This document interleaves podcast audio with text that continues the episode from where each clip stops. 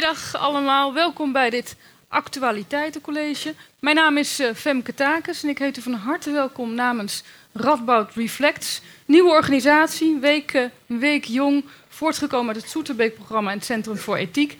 En uh, overal manifest aanwezig deze week en volgende week.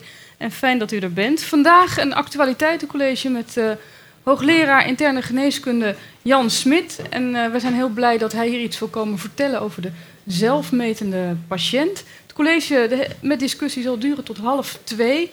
Maar eerst krijgen wij een aftrap van onze campusdichter um, Jordi Lammers. Ik zal het goed uitspreken, Jordi Lammers. En die zal ons even een introductie geven over de zelfmetende patiënt. Je bent van harte.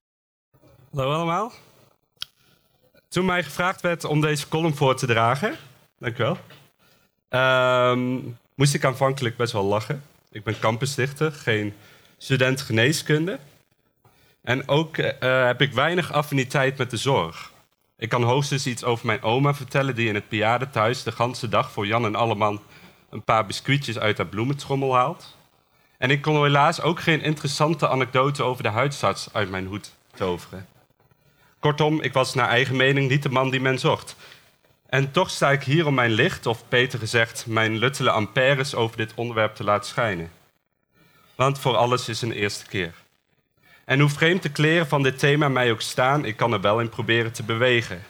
Misschien gaat het beter dan ik in eerste instantie had voorgesteld. Ik begin niet voor niets met een inleiding als deze.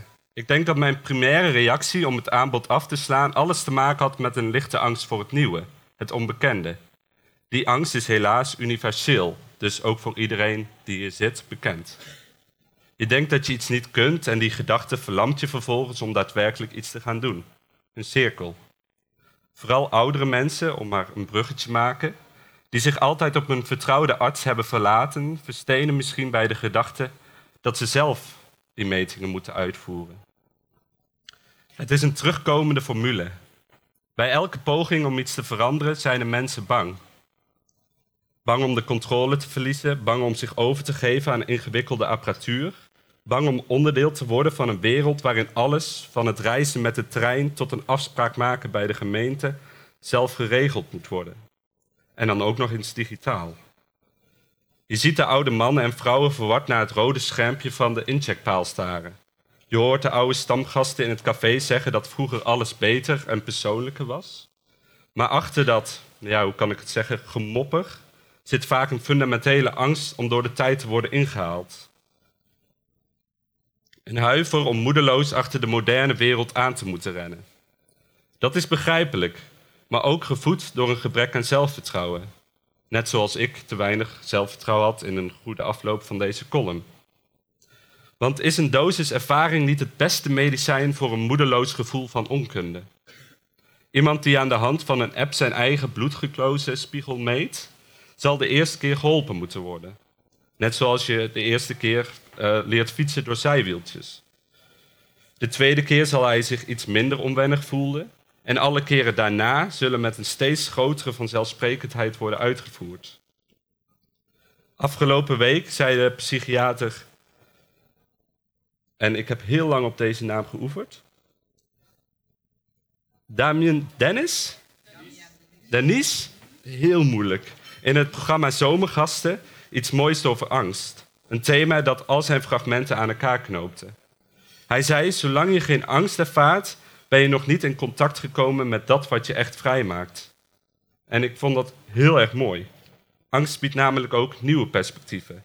Wie ziet dat hij prima zijn zelfmetingen kan monitoren, durft in het vervolg misschien ook iets onbevreesder zijn reissaldo op te laden. We kunnen, we kunnen immers meer dan we zelf denken. Dank u wel.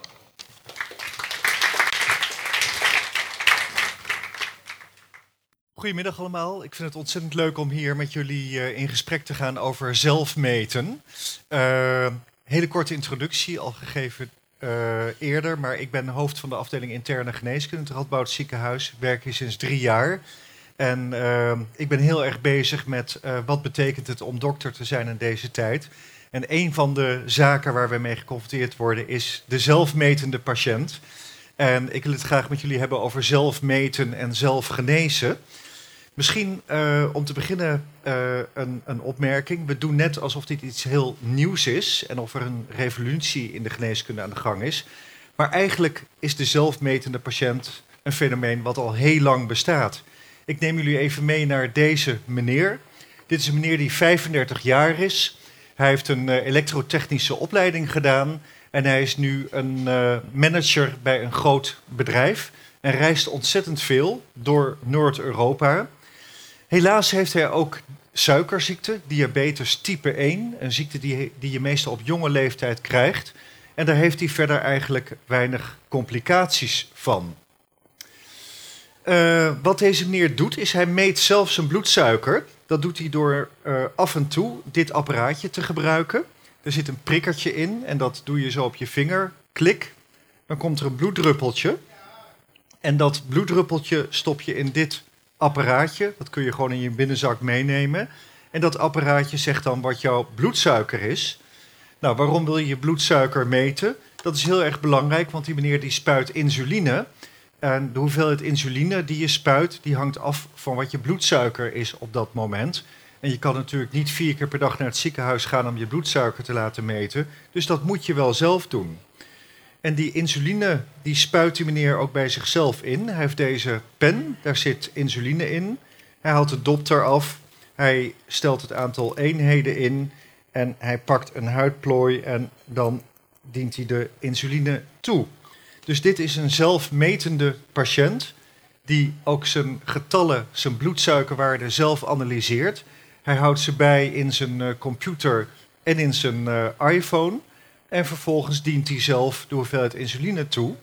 Dit is helemaal niet nieuw, dit bestaat al jaren. Dus dit is niet alleen een zelfmetende patiënt, maar ook een patiënt die zelf analyseert en zichzelf behandelt. Wat gaat er gebeuren in de toekomst uh, met deze meneer? Hij meet al zelf heel erg veel, maar er zijn tegenwoordig uh, heel veel nieuwe ontwikkelingen en technieken. Wat hij kan doen in de toekomst, en daar zijn we eigenlijk al een beetje mee bezig, is dat hij die getallen via het internet uploadt naar het elektronisch patiëntendossier van zijn arts. Dus hij hoeft niet uh, bij zijn arts te komen om deze getalletjes te laten zien. Nee, zijn arts ziet in het elektronisch patiëntendossier wat voor getallen die meneer allemaal produceert. En dus ook wat die meneer aan het doen is op een dag. Of die eet, slaapt, of die in de kroeg zit of andere dingen. Die patiënt die heel erg veel op reis is, die vindt het fijn om niet naar het ziekenhuis te hoeven komen. Dus hij legt contact met de arts via Skype of via een uh, systeem wat het Radboud heeft ontwikkeld. Dat heet FaceTalk. Waarbij je gewoon op je mobiele telefoon een consult kan hebben met je arts. En in dat uh, elektronische gesprek wordt gesproken over de behandeling. Dus een zelfmetende patiënt, een zelfanalyserende patiënt, een patiënt die via elektronica zijn data naar de arts uploadt en een gesprek met die arts heeft via elektronica en dan insuline toedient. Nou, de toekomst gaat er nog meer gebeuren, want op een gegeven moment heeft deze meneer helemaal geen arts meer nodig. Want wat is er tegenwoordig? Er zijn glucosemetertjes, niet zoals dit apparaat, maar een sensor die meet voortdurend het bloedsuikergehalte zonder dat je bloed hoeft te prikken of iets hoeft te doen. En je hebt ook insulinepompen. Dit is zo'n insulinepomp. Dat is een heel slim apparaatje. Dat dient voortdurend insuline toe via een uh, naaldje wat je onder je huid plakt. Dit apparaatje doe je in je zak. En dan heb je voortdurend insulinetoediening. Dus helemaal geen pen meer die je af en toe uh, moet gebruiken. En het mooie is dat dit systeem denkt zelf na. Dus die bloedsuikermeter, die geeft zijn getallen door aan die pomp. En die pomp, daar zit een computertje in die die getallen interpreteert. En die dient dan de goede hoeveelheid insuline toe. Dus die hele dokter met zijn elektronisch patiëntendossier en zijn iPhone-contact, die is dan eigenlijk helemaal niet meer nodig. En er komen nog veel mooiere sensoren aan. Dit is een contactlens die ook bloedsuiker meet, in ontwikkeling door uh, Google. En op die manier uh, ja, is de patiënt eigenlijk volledig autonoom geworden. Tweede patiënt, een 53-jarige uh, meneer, heeft een wat lagere opleiding gedaan, is magazijnmedewerker, heeft ook suikerziekte op jonge leeftijd gekregen. Hij heeft complicaties aan zijn ogen gekregen. Hij kan niet zo heel goed meer zien. Zijn rijbewijs is ingetrokken. Door de suikerziekte zijn zijn vingers ook gevoelloos geworden. En hij is beperkt ICT-vaardig. Die meneer krijgt zo'n apparaatje mee van zijn dokter. Maar hij kan het niet goed zien. En door de gevoelloosheid van zijn vingers kan hij ook niet goed bloed bij zichzelf prikken. Als er al een getal uitkomt, dan schrijft hij dat in een uh, uh, boekje neer. Maar de stap om dan ook zelf insuline toe te gaan dienen is veel te veel voor deze meneer. Dus wat we voor die eerste patiënt logisch vonden en waar hij heel blij mee was, daar wordt die tweede patiënt heel erg ongelukkig van en daar wordt hij ook slecht door behandeld. Dus wat ik zelf heel erg belangrijk vind en wat ik in deze korte inleiding ook wil vertellen, is dat meten als zodanig prachtig is, maar dat het een middel is en geen doel en dat je het in de context moet zien. Een context van een patiënt en een artsrelatie. En die praten samen over de doelen van uh, de gezondheidsuitkomst. Dus de ene patiënt wil langer leven, de andere patiënt wil gelukkiger worden. En die arts die heeft vaak andere doelen dan een patiënt. Een arts wil bij een patiënt met suikerziekte complicaties voorkomen. Maar een patiënt die wil vooral minder moe zijn. Dus er zijn verschillen in de doelen tussen arts en patiënt. En het beste wat je kan doen is gezamenlijk praten over die doelen. Die vermoeidheid is belangrijk, maar die complicaties ook. Het tweede waar arts en patiënt met elkaar over in gesprek moeten, worden, uh, moeten gaan, dat zijn de middelen die je gebruikt. De diagnostiek, de behandeling en de communicatie. Die arts wil het liefst dat zijn patiënt een automatische sensor gaat nemen, een insulinepomp gaat gebruiken en een consult via de iPhone gaat doen. Maar patiënt 2, die uh, heeft wel bepaalde wensen, maar die kan niet zoveel. Dus die wil het liefste niet al te veel uh, uh, technische poespas. Die wil graag de arts zien, die wil helemaal geen e-consult. Dus ook daarin moet je tot een gezamenlijke oplossing komen, die misschien wat minder vooruitstrevend is dan de arts alleen wil. En uiteindelijk evalueer je het proces samen en beoordeel je of het geslaagd is of niet. En uh, ik denk dat mijn conclusie is dat zelfmeten geen doel op zichzelf is. Dat het wel past bij de verantwoordelijkheid van de patiënt, maar dat je het in de context moet zien van het hele zorgproces, namelijk het stellen van gezamenlijke doelen en dat het ook afhangt van de mogelijkheden van de patiënt. Dat zelf meten en behandelen alleen binnen deze context succesvol kan zijn. Verder denk ik dat zelf meten ook niet per se technisch hoeft te zijn, want we leggen hier heel veel nadruk op techniek. Het nadeel daarvan is een beetje dat je de mens als een soort machine gaat zien met allemaal radertjes en uh, een motor en uh, allerlei andere instrumentaria. Maar je kan meten ook zien als een vorm van zelfreflectie. Als ik aan mijzelf vraag hoe ik mij voel, zou je dat een vorm van meten kunnen noemen, die toch wel heel erg belangrijk is voor uh, de behandeling van een patiënt en ook voor de arts. En dat raakt eigenlijk aan de nieuwe definitie van gezondheid, misschien wel eens van gehoord van Machteld Huber, waarbij gezondheid niet alleen te maken heeft met lichaamsfuncties, maar ook met mentaal welbevinden, zingeving en een aantal andere aspecten die allen het succes van het medisch handelen uh, bepalen. En dan heb je het eigenlijk over heelheid en verbondenheid. Dat is ook het motto van onze afdeling. Wij kijken niet naar radertjes en onderdelen van een mens.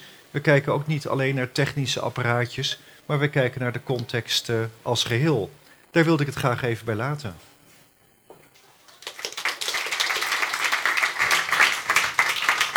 Heel, heel hartelijk dank voor dit uh, prachtige exposé, wat natuurlijk al gelijk aangeeft hoe genuanceerd wij hierover kunnen denken. Het begon met de aangekondigde zelfmetende patiënt zegen of uh, vloek. Als u daar nu een antwoord op moet geven, wat zegt u dan?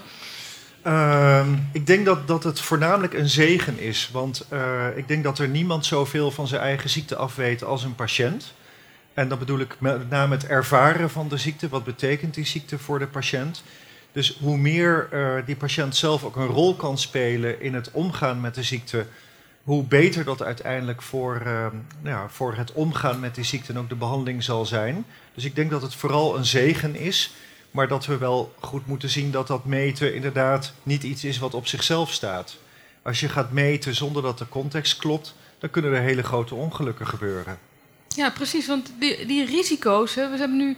eh, we worden een beetje, toch een beetje, als je kritische noten hierbij wilt plaatsen, dan lijkt het toch of je een angst voor innovatie hebt, begrijp ik nu van de columnist.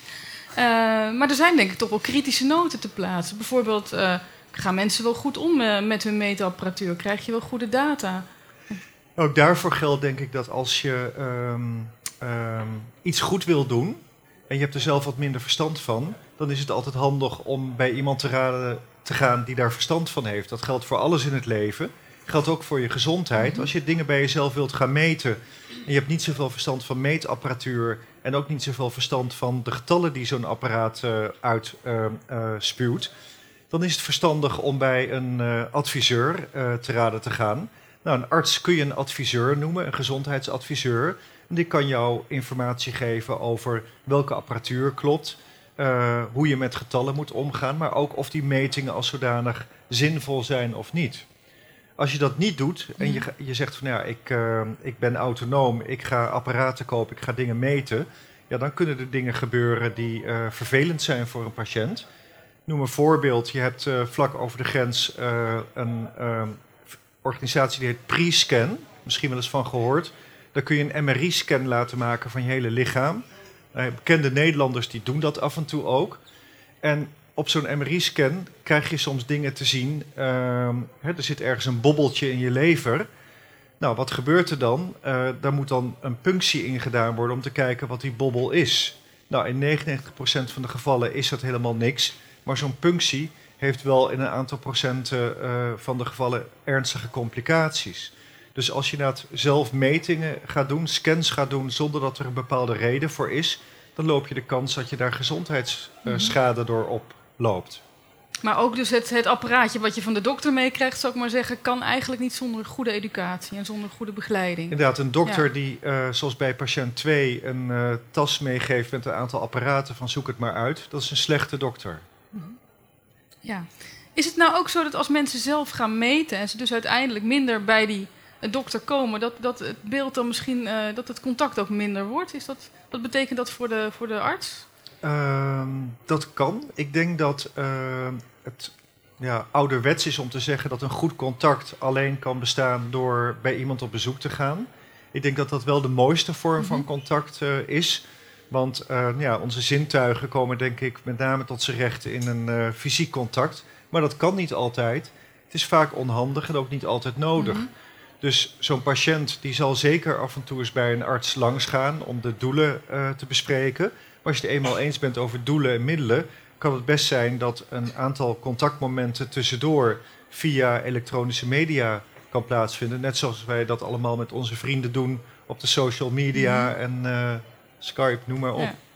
Nou ja, dat klinkt natuurlijk vrij ideaal. Als, als ik uw verhaal hoor, denk ik, ik zou patiënt zijn. Het lijkt me geweldig. Maar nou denk ik even aan de oma van Jordi. En denk ik, ja, hoe, hoe gaat dat dan? Eh, gaat zij ook op Skype? Eh, Ja, dus dat is zo? eigenlijk het, het, het punt wat we hier, eh, hier bespreken. Hè, het eh, kijken naar de middelen.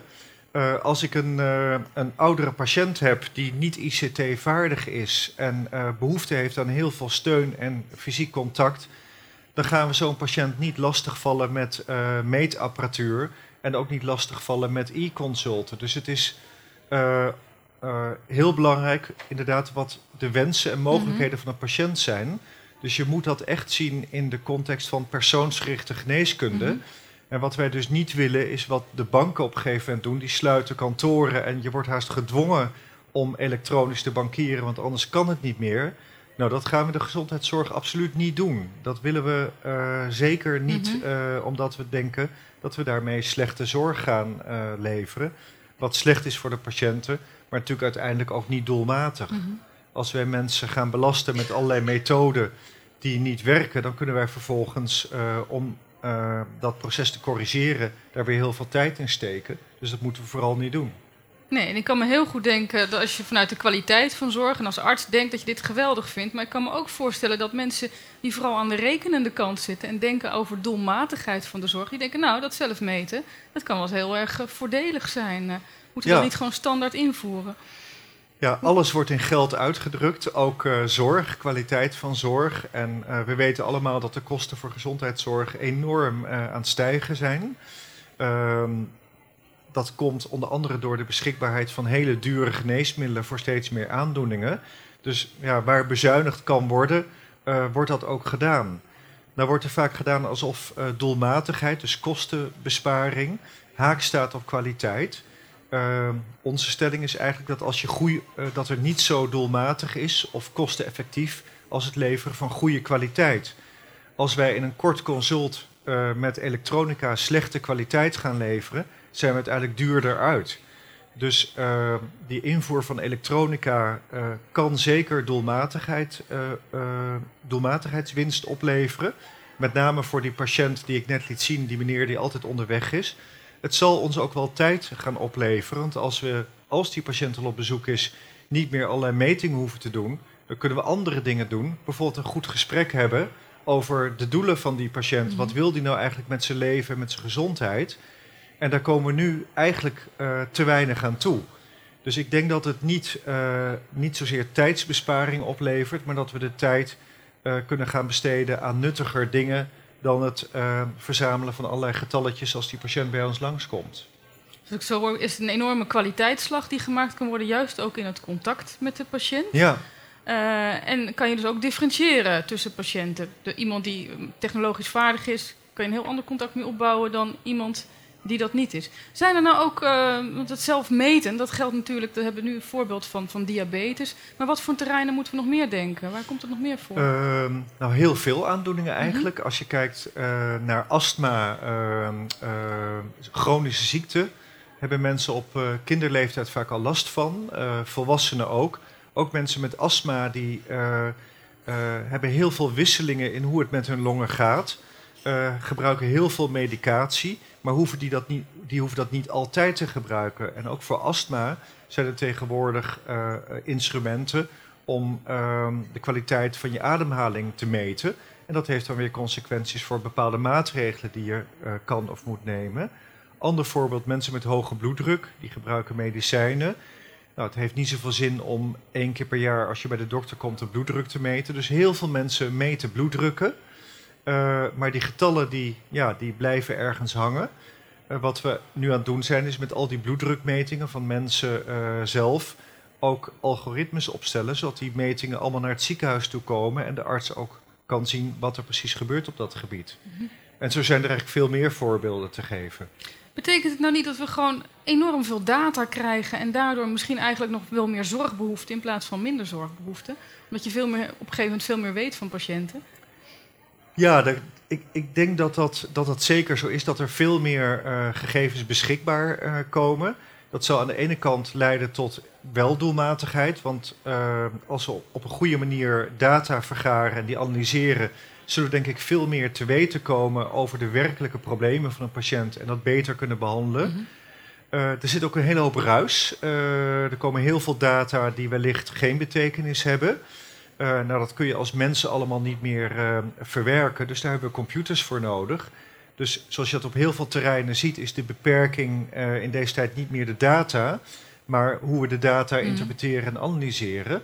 Vandaar dat wij het ook zo belangrijk vinden dat we daar dingen over afspreken. Maar wat je tegenwoordig ook ziet, is dat veel mensen metingen laten doen. bijvoorbeeld de ziekte van Lyme, vast wel eens van gehoord. Komt veel voor. Een, een ontsteking die ontstaat door een tekenbeet. Heel veel mensen denken dat ze Lyme hebben en laten bij een laboratorium in België of andere plaats een Lyme-test doen. Nou, de kwaliteit van die test is heel discutabel. Daar komen soms uitslagen uit die moeilijk te interpreteren zijn. Maar dat creëert een enorme hoop onrust en een enorme toename van mensen die naar het ziekenhuis gaan om over die ziekte te mhm. praten. Dus daar daarvan kun je zeggen van, ja, misschien neemt Lyme wel toe, maar het is zeker zo dat er rondom dat meten uh, wel een, een groot probleem ligt. Ja, want het kan dus ook heel veel onrust kweken, ook als dat helemaal niet nodig is. Uh, ja. Ja, zoals je hartslag meet dat je tijdens de fitness wel eens verdwijnt en denk je, ja. ben ik er nog wel? Ja, en dan ga je gelijk naar de dokter. Precies. dat is niet de bedoeling. Ja. En dan heb ik nog tenslotte één vraag. Eigenlijk, we hoorden het al net in het introductiefilmpje over privacy. Er wordt toch veel over verteld. Er komen allerlei data. U zegt ja, ze komen in het elektronisch patiëntendossier. Maar mm -hmm. ja, hoe weet ik dat nou als patiënt? Dat al die data die ik rondstuur met mijn apparaatje ook goed terechtkomen. En niet misschien toch bij de verzekeringsmaatschappij of ergens in virtualia blijven hangen. Ja, uh, ja bij data of gegevenstransport moet de privacy goed, uh, goed, goed bewaakt zijn. Dat is waarom het over het algemeen ook zo lang duurt om dit soort systemen te implementeren. Iedereen kan een bestand via mail of via internet naar iemand anders toesturen. dat is technisch helemaal niet moeilijk. Maar om dat op een zodanige manier te doen dat alleen de mensen erbij kunnen die recht hebben op die gegevens, dat is wel moeilijk. Daarom duurt de implementatie van dit soort uh, dingen vaak heel lang. Ehm, en dat gaat dan nog over het afschermen van die data tegen buitenstaanders. Maar je kan je ook voorstellen dat deze meneer met het voortdurend meten van zijn bloedsuikers ook een enorm kijkje in zijn privéleven geeft. Hè? Want als hij een avond doorzakt dan noteert hij dat in deze aantekeningenkolom. En zul je het ook aan zijn bloedsuikers zien. Dat komt allemaal bij de arts terecht. Dus dit vraagt ook heel veel van de arts-patiëntrelatie. En het moet een vertrouwensrelatie zijn, uh, waarbij die patiënt uh, uiteindelijk denkt of weet dat al die gegevens die bij die arts terechtkomen ook helpen bij zijn eigen gezondheid. En net zoals je bij de psychiater je hart uitstort over je diepste uh, uh, gevoelens, uh, waar een enorm privacy-aspect aan zit, ehm, heb je ook in andere takken van geneeskunde dat met het beschikbaar komen van data veel meer over wie jij bent eigenlijk bij jouw arts terechtkomt. Ehm, wat ik nog wel goed vind om te zeggen is dat we hebben de kant van de patiënt, maar we hebben natuurlijk ook de kant van de arts. Want ehm, net zo goed als de ICT-vaardigheid van de patiënt belangrijk is, heb je ook artsen die uh, niet, zo met, niet zoveel met getallen hebben en computers en meetapparatuur. Uh, dus daar zit net zo goed een, een punt van acceptatie. En kan het wel zo zijn dat we in de toekomst ook gaan kijken van wat is een goede match? Een hele ICT-vaardige patiënt die veel zelf wil meten, die moet je niet koppelen aan een arts die uh, daar wat minder mee heeft. Het zou ook kunnen zijn dat je zegt van nou artsen die daar wat minder mee hebben, die hebben eigenlijk geen plaats meer in ons gezondheidssysteem. Dus daar moeten we afscheid van nemen. Dan moet je, ja, ik, ga, ik zie al zijn vingers. Het lijkt me een goed moment om over te gaan naar, uh, naar de zaal. Gaat u gang tot u vragen? Komt de microfoon aan trouwens. Op, eerst even praten als er een microfoon aankomt. Um, Jacqueline Fakkelda, ik hoor u de hele tijd praten over ICT-vaardigheden.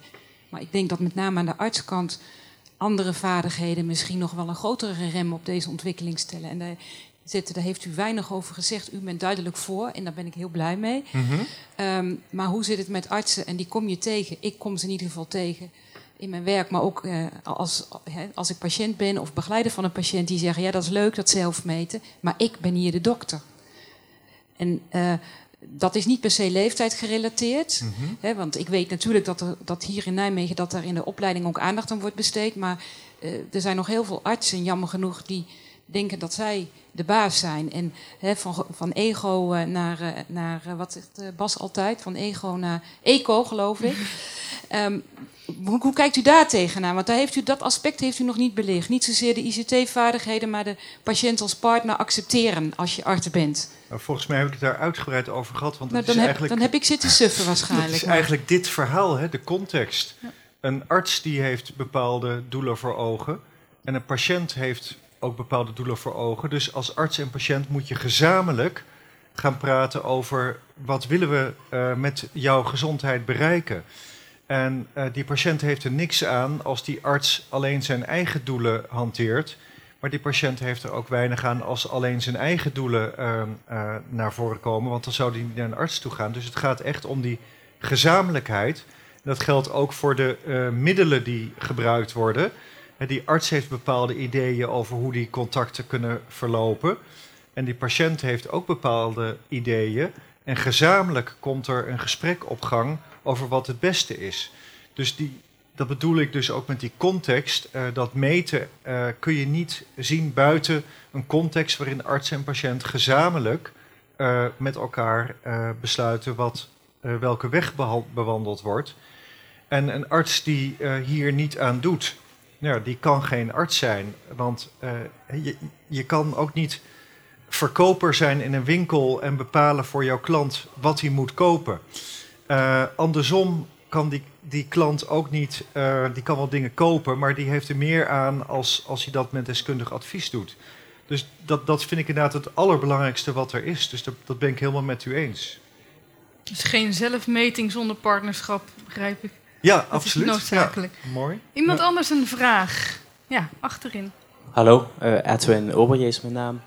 Ehm, u zegt dat we ons in de gezondheidszorg eh, niet bang hoeven te maken dat we de bankwereld achterna gaan. Dat we eh zelfmanagement niet te ver door, doorvoeren. Niet te veel elektronische ontmoetingen tussen arts en patiënt. Eh, enkel om eh, de kosten te besparen. Maar u heeft het eh, over we. Dat gaan we niet doen in de gezondheidszorg. En ik ben benieuwd eh, namens wie u spreekt. En eh, waarom wij als patiënt ons niet zorgen erover hoeven te maken. Dat is een goede vraag. Eh, we is, is niet een, een, een, een pluralis majestatis wat, wat, wat mij betreft. Als, als verantwoordelijk in de gezondheidszorg werk je in netwerken. Ik ben hoofd van een afdeling. Ik zit in, in overleg met de raad van bestuur. Wij praten met verzekeraars. Het is niet zo dat wij ehm, in onze teams in het Radboud UMC en in een aantal landelijke netwerken kunnen eh, bepalen wat er gebeurt. Eh, wij zijn ook onderhevig aan, eh, aan, aan veel ontwikkelingen, ook in de organisatie van de gezondheidszorg, waar wij heel veel grote moeite, of heel, heel grote moeite mee hebben. Denk nou aan de financiering van de zorg, de budgetpolissen en alles. Eh, maar we, hebben, we zijn ook niet machteloos. En als wij een bepaalde ontwikkeling schadelijk vinden voor een patiënt, dan kan niemand van ons vragen dat wij, eh, dat wij daarin meegaan. En dat zie je ook wel, dat als er grenzen overschreden worden, dat, eh, dat, dat, dat ook artsen in het geweer komen. Je ziet dat de huisartsen die door verzekeraars gedwongen worden om bepaalde dingen te doen waar ze niet achter kunnen staan, ja, die doen dat niet. Dus eh, in die zin ehm, eh, zijn er wel grenzen in wat, eh, wat men kan doen als arts. En wij proberen ook in allerlei contacten die we hebben met patiënten, met bestuurders, met verzekeraars, te kijken wat de meest zinvolle ontwikkeling is. En je merkt dat daar, anders dan je misschien vermoedt bij overheid en verzekeraars, wel degelijk ook interesse in is. Want iedereen weet dat het huidige gezondheidsstelsel niet optimaal is. En iedereen wil dat het beter wordt. Dus het beste wat je daarin in kan doen, is ook in gezamenlijkheid gesprekken voeren. Dus wat geldt voor een arts-patiëntrelatie, geldt ook voor relaties tussen andere partijen, overheid, ziekenhuizen, ziekenhuizenverzekeraars en noem maar op. Nog iemand anders een vraag? Hier vooraan is een vraag. Ja, dank u wel, eh, professor Smit. Mijn naam is Tom van der Belt. En ehm, u noemt enkele belangrijke stakeholders uit de zorg. En eh, ik ben het met u eens dat we met z'n allen moeten kijken hoe we willen dat het in de zorg gaat. Ik ben benieuwd hoe u de rol van partijen zoals Apple en Google ziet. Omdat niet alleen bij patiënten, maar ook bij gezonde mensen. eh, ja, iedereen loopt met een smartphone, die Ja. verzamelt alles. Er zijn duizenden apps. En eigenlijk zie je dat die eh, partijen een hele bak met data over ons allemaal hebben. Ehm, mijn hypothese zou zijn dat die heel veel invloed gaan hebben over eh, ja, hoe het in de zorg gaat. Ik ben benieuwd Mhm. hoe u daarin staat. Ja, helemaal mee eens. Ehm, ehm, het is zo dat er heel veel ontwikkelingen zijn eh, die wij niet zelf bedenken, maar waar we mee geconfronteerd worden. Dat eh zelf meten, dat, dat ik noemde net even de Lyme-test, maar inderdaad iedereen heeft op zijn smartphone apps zitten die dingen meten. En als je die vergeet uit te zetten, komen al die data overal terecht. Eh, er zitten denk ik twee kanten aan. Eh, het kan zijn dat mensen het willen en eh, dat het nuttig is. Nou, prima. Het is natuurlijk zeker zo dat Google en Apple al die data verzamelen en dat ook gebruiken voor het uitein- uiteindelijk commercialiseren van, van, van allerlei aspecten van gezondheid. Philips kun je daarin ook noemen, of andere elektronica-producenten. Ja, ik denk dat, dat het ongelooflijk belangrijk is dat de consument ook de regie blijft, eh, blijft houden. En eh, als jij inderdaad op je smartphone een app hebt die aanstaat, ja, dan hebben we het niet meer over data-afscherming en allerlei andere dingen. Dan, dan gaan die data de hele wereld over. En ehm, dat kunnen we niet tegenhouden, eh, want dan, dan ga je denk ik een gevecht aan wat je niet kan winnen. Maar ook daarin is het denk ik belangrijk om die processen te beïnvloeden. Als, als eh, een miljoen consumenten zegt van ja, wij willen dit niet, dan heb je kans dat er wel wat mee gebeurt. Is, is er dan überhaupt een mogelijkheid dat die, dat die patiënt daar de regie weer over krijgt? Als er zoveel data, of ja, niet eens patiënt eigenlijk, alleen als wereldburger die die data verspreidt op het moment dat je zo'n appje hebt. En we zijn dol op gezondheidsapps, want we zijn natuurlijk bang of we, we willen graag dingen over onze gezondheid weten.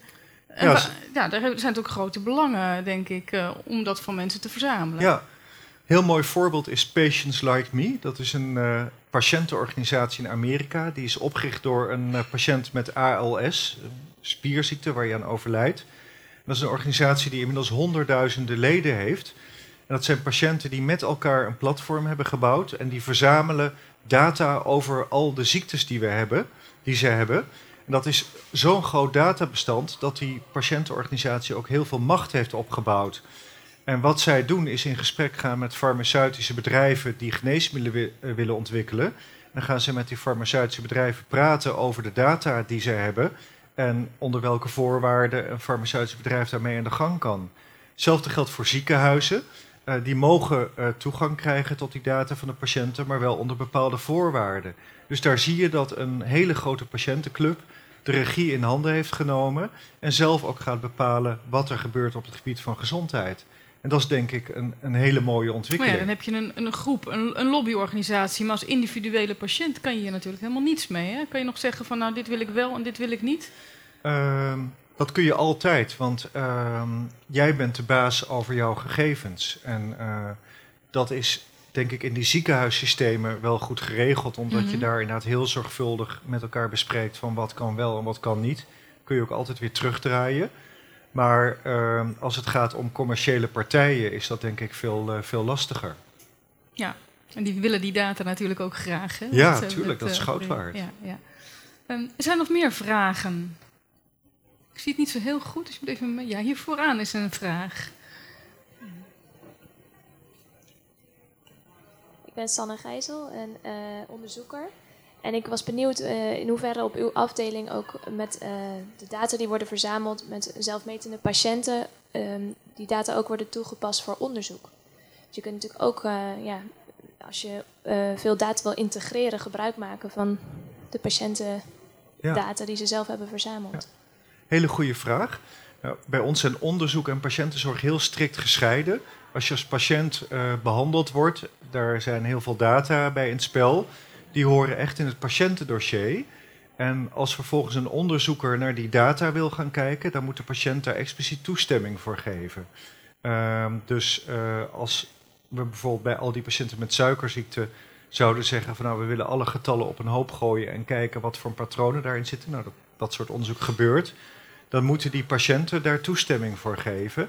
En eh, dan heb je heel veel varianten van data gebruiken. Je kan het geanonimiseerd doen, waarbij je de identiteit van de patiënt niet meer kan achterhalen. Maar het kan ook zijn dat eh, de persoonsgegevens van de patiënt wel beschikbaar zijn. En voor al die aspecten moet de patiënt toestemming geven. Gebeurt dat ook al op uw afdeling? Ja, dat, dat, dat is eigenlijk iets wat altijd al gebeurde. Want ook voor de tijd van elektronica werden er al veel dingen over patiënten opgeschreven in dossiers. En ook daar werd onderzoek mee gedaan. En ook daar moet een ethische commissie toestemming voor geven. Ik zie, eh, ja. ik zie er nog iemand een vraag. Hier is nog een vraag. Ja, ik, ik, ik ben Jan Moors. Eh, ik heb een vraag over de kwaliteit van die zelfgemeten datapunten. Je gaf zelf een voorbeeld van die eh, Lyme-test die eh, multi-interpretabel is als je het ene onderzoek eh, bij het ene lab doet of bij het andere lab. En al die dingen die zelf gemeten worden, ook met die apps, die hebben natuurlijk verschillende kwaliteit. En als het allemaal bij elkaar komt in één database, hoe ga je daarmee om? Ja, dat, dat is een heel goed punt. Ehm, je hebt van die ehm, ehm, zelfmetende plakkertjes tegenwoordig. Die kun je op je lichaam plakken. Die meten bloeddruk en hartslag en zuurstofverzadiging en nog een paar andere dingen. En die worden verkocht. En wij hebben in ons ziekenhuis onderzoek gedaan naar de kwaliteit van een aantal van die dingen. Er blijken enorme verschillen te zijn. Dus ehm, wanneer wij data van patiënten eh, eh, laten uploaden, dan willen wij dat het alleen maar gebeurt met apparaten die van ons een stempeltje hebben gekregen, dat dat ook betrouwbaar is. Dus wij zullen niet zomaar data gaan eh, opnemen die gemeten zijn met apparaten die wij niet kennen. Als dat een antwoord is op uw vraag. Ten slotte nog een laatste. Is er nog ruimte voor een laatste vraag? Wie wil nog een vraag stellen aan professor Smit? Het is helemaal klip en klaar. We weten alles over de zelfmetende patiënt. Iedereen is overtuigd uh, geraakt, denk ik, inmiddels van de, van de voordelen. Hoewel we natuurlijk ook zien dat er heel wat nadelen zitten. Hè? Dat er mhm. ook toch nog steeds veel dingen zijn om kritisch over na te denken. Ik denk zeker in de hoeveelheid data en hoe we met die data omgaan. En dat er uiteindelijk dat, komt, dat het iedere keer weer aankomt op die patiënt als partner. Dat je het wel mhm. samen doet. Dat er niet alleen maar een beetje gemeten wordt. Uh, wilt u zelf nog een afsluitend woord uh, geven? Nou, volgens mij ben ik al heel veel aan het woord geweest. Maar ik vind het ontzettend leuk om hierover te praten en met jullie uh, te denken. Uh, uit dit soort bijeenkomsten haal ik zelf ook altijd weer inspiratie uh, die mij helpt om hiermee om te gaan. Want het is een gebied wat ja, niet klaar is, misschien ook nooit af zal raken, maar wat alleen met goede gesprekken de goede kant op kan gaan. Dus dank voor jullie vragen ook. Ja, nou rest mij om u allen te danken voor de aandacht.